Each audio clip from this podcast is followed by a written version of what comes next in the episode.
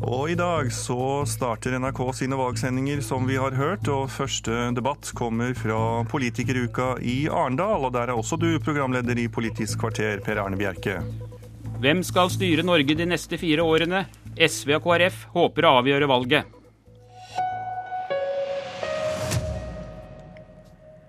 Leder i Kristelig Folkeparti, Knut eh, Arild Hareide. La oss begynne med en uttalelse du kom med her i Arendal i helgen. Et flertall med Fremskrittspartiet og Høyre er ikke noe bedre enn et rød-grønt flertall, sa du. Hvorfor er det da så viktig for deg å kaste den sittende regjeringen? Ja, Det er jo fordi at eh, jeg mener den regjeringa som har sittet nå, har gått i feil retning på veldig viktige områder. Det gjelder valgfriheten for eh, familier. Eh, det er jo sånn at De har fjerna kontantstøtta for eh, toåringer, og vi vet at de ønsker å fjerne kontantstøtta for eh, ettåringer.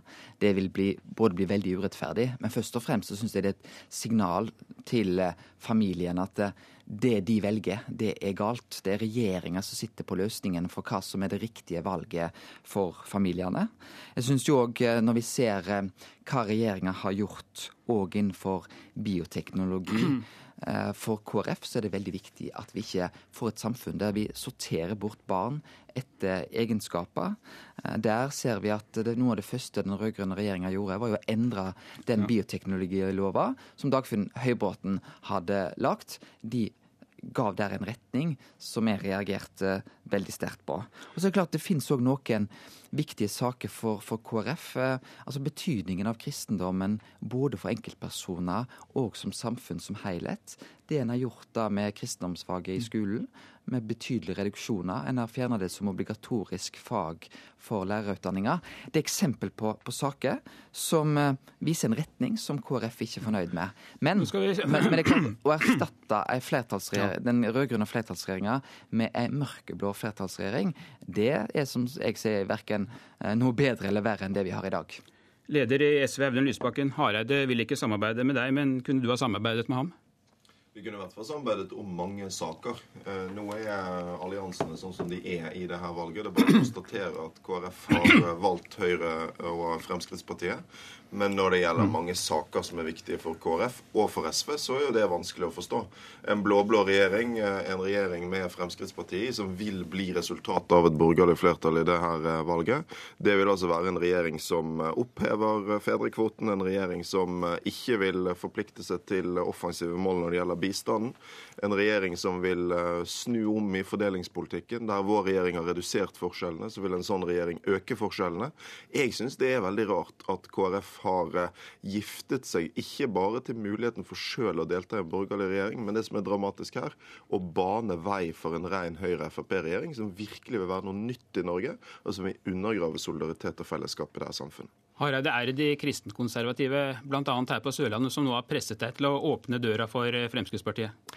Nei, det er et eh, enstemmig KrF. Etter åtte år med rød-grønt styre så er vi veldig tydelige på at vi tror Norge trenger en ny regjering. Så har jeg òg lyst til å si at SV og KrF vi har noen fellestrekk som er veldig viktige. Eh, når vi da ser på internasjonal fattigdomsbekjempelse og miljø, så er det saker der, der SV og KrF står veldig nærme hverandre. Men på en del andre, bl.a. verdisaker som jeg pekte på her. Og jeg må også si det at eh, noe av det som har skuffa meg med den rød-grønne regjeringa, og fordi SV sitter der, er jo noen av de som virkelig lever sårbare liv i Norge. Vi vet jo det at SV hadde et engasjement rundt fattigdomsbekjempelse i vårt eget land. Men hva har vi gjort med barnefattigdommen? Istedenfor at den er blitt redusert, så har den økt. Jeg tenker på rusutfordringer. Eh, vi vet at det står ta de fattige først, eh, Lysbakken. Hvorfor har dere ikke klart å få til mer her? For dere gikk jo veldig høyt på banen for fire år siden.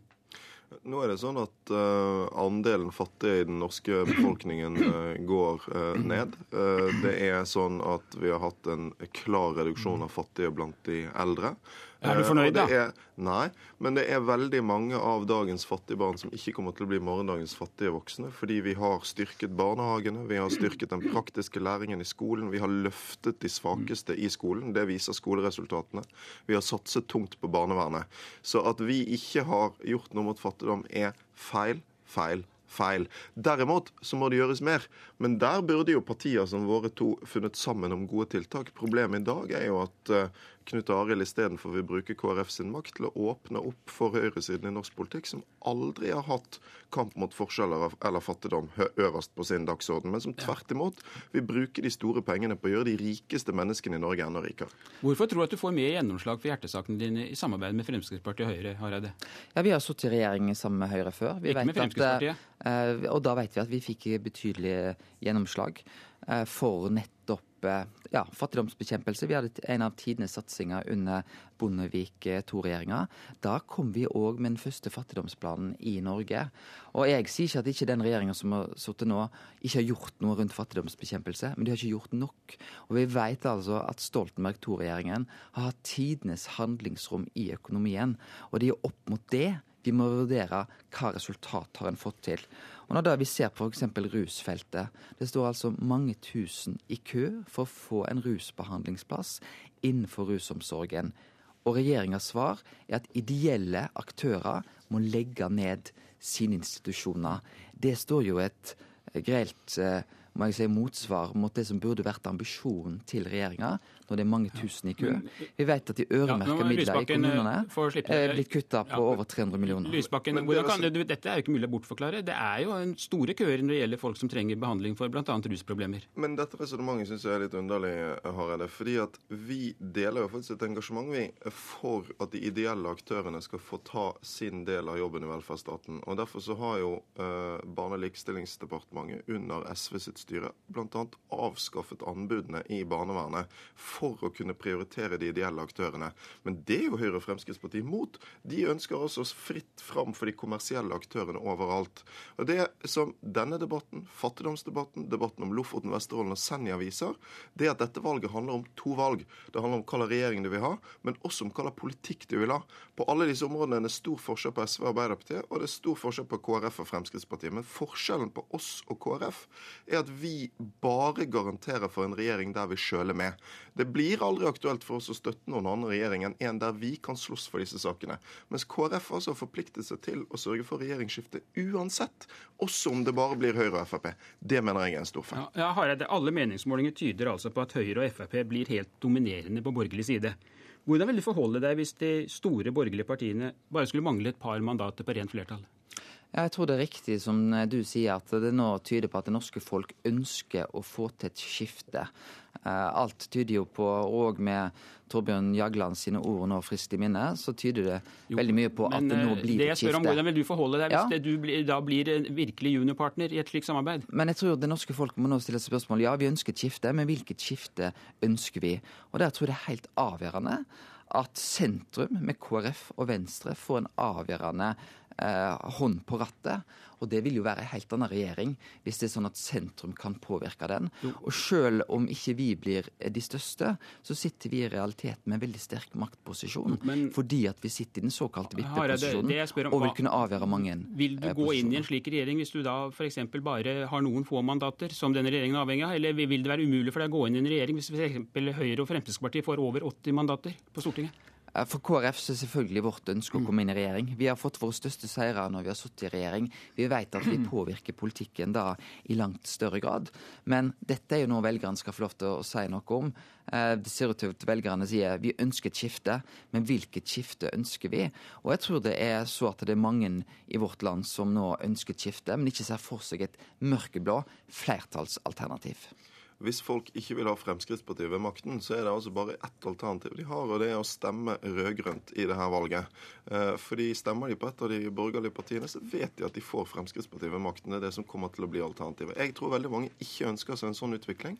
Jeg tror det er et flertall i Norge som vil ha sterkere fellesskap, som ikke vil ha privatisering, som vil ha små forskjeller. Da finnes det bare et alternativ, og det er å sørge for at det ikke blir en høyreregjering etter dette valget. Men Lysbakken, velgerne har ikke akkurat belønnet dere med jubelrop etter åtte år i regjeringen? Nei, men det er alltid sånn at hvis du har styrt Norge lenge, så er det fristende å tenke at det hadde vært greit å prøve med noen nye ansikter. Men det som vi skal få fram i denne valgkampen, er at det også blir et betydelig skifte i politikk som kommer til å forandre mye i det norske samfunnet, og som kommer til å gjøre at ting går i galt, gal retning når det gjelder klima, når det gjelder fordeling, når det gjelder velferd og privatisering. Og jeg er helt sikker på at en valgkamp som handler om de sakene, er en valgkamp vi kan vinne. Jeg tror det som SV nå opplever, er at de har eh, provosert eh, det norske folk i spørsmål rundt familiepolitikk. Eh, det å ha en regjering som tror de vet mye bedre enn familiene sjøl. Jeg tror òg i spørsmål som er viktige verdisaker. Vi kan ta eh, surrogatispørsmålet, som nå regjeringa sier det skal ikke ha noen betydning for hva konsekvenser en tar i det spørsmålet der. Det er eksempel, og, og det er jo sånn at nå sier de at det kun er regjeringsslitasje. Ja, vi kan se til Tyskland. Ja, der får du siste ordet, gjør det bedre noen gang inn i sitt tredje valg. Nå Takk skal dere ha. Dere skal få snakke mer i partilederdebatten begge to på NRK1 klokka 21.30 i kveld. Eh, over til deg, redaktør i Agderposten, Stein Gauslå. Hva tror du er den viktigste årsaken til at KrF, i motsetning til for fire år siden, ikke utelukker en regjering der Frp er med? Nei, det er jo det at de, eh, de må jo markere at de vil ha et skifte. Og det, dessuten så, eh, så har de jo demmet opp for Fremskrittspartiets fremgang ved forrige valg eh, ved å eh, rett og slett eh, si at de ønsker å samarbeide for å få til det skiftet. Det er konkurranse mellom partiene på høyresiden også. Og den har Kristelig Folkeparti innsett at de har måttet være med på. Men hvor mye vil du si at Hareide er blitt presset av de kristenkonservative velgerne her i et av KrFs kjerneområder i Agder? Jo da, det er klart. Det er jo dukket opp et, eh, et protestparti eh, som heter De kristne her nede, som, eh, som, som, selvfølgelig beiter også litt på Kristelig Folkepartis jaktmarker.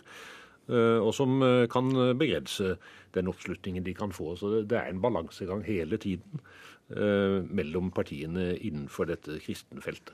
Politisk kommentator i NRK Magnus Takvam, KrF og SV er altså to av fire partier som nå slåss mot sperregrensen. Hvem av dem er mest utsatt, hvis vi ser på de målingene som har kommet hittil i august? Det er jo flere av dem som har vært uh, i nærheten og under sperregrensen, så det er veldig vanskelig å svare presist på. Nettopp dette er jo uh, faktisk et av de uh, aller største spenningsmomentene ved, ved, valget. I dagens ferske måling i, i VG som Infact har gjort, er alle av disse fire aktuelle småpartiene inne over sperregrensen. Og faktisk det mest oppsiktsvekkende hvis vi ser på denne enkeltmålingen, er at Miljøpartiet De Grønne også snuser på sperregrensen og får 3,8 eh, Vi skal ikke legge altfor mye vekt på en slik enkeltmåling, men det illustrerer hvor close det er. Men isolert sett så har faktisk SV da en viss framgang på denne målingen. Og så kommer det til å fortsette å, å vippe, tror jeg, eh, i målingene framover. Nå hørte vi nettopp Lysbakken her, og er dette valget et vinn eller forsvinn for ham i norsk politikk? Han kan jo risikere å ikke komme inn på Stortinget igjen fra Hordaland?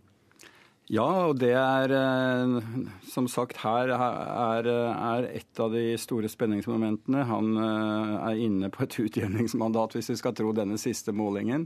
Men det vil være svært vanskelig selvfølgelig å lede partiet utenfra Stortinget. Eh, men det får vi ta etter valget. Vi har også sett at et parti som Senterpartiet, mange av, i mange av deres tradisjonelt sterkeste bastioner, så, så er det ikke gitt at de ledende folkene i Senterpartiet kommer inn på Stortinget. Så dette er som sagt et stort spenningsmoment. Nå har jo SV slitt, Gauslo, slik vi også var inne på litt tidligere i sendingen. og Kunne det rent partitaktisk vært bra for SV nå å få fire år i opposisjon for å gjenreise partiet?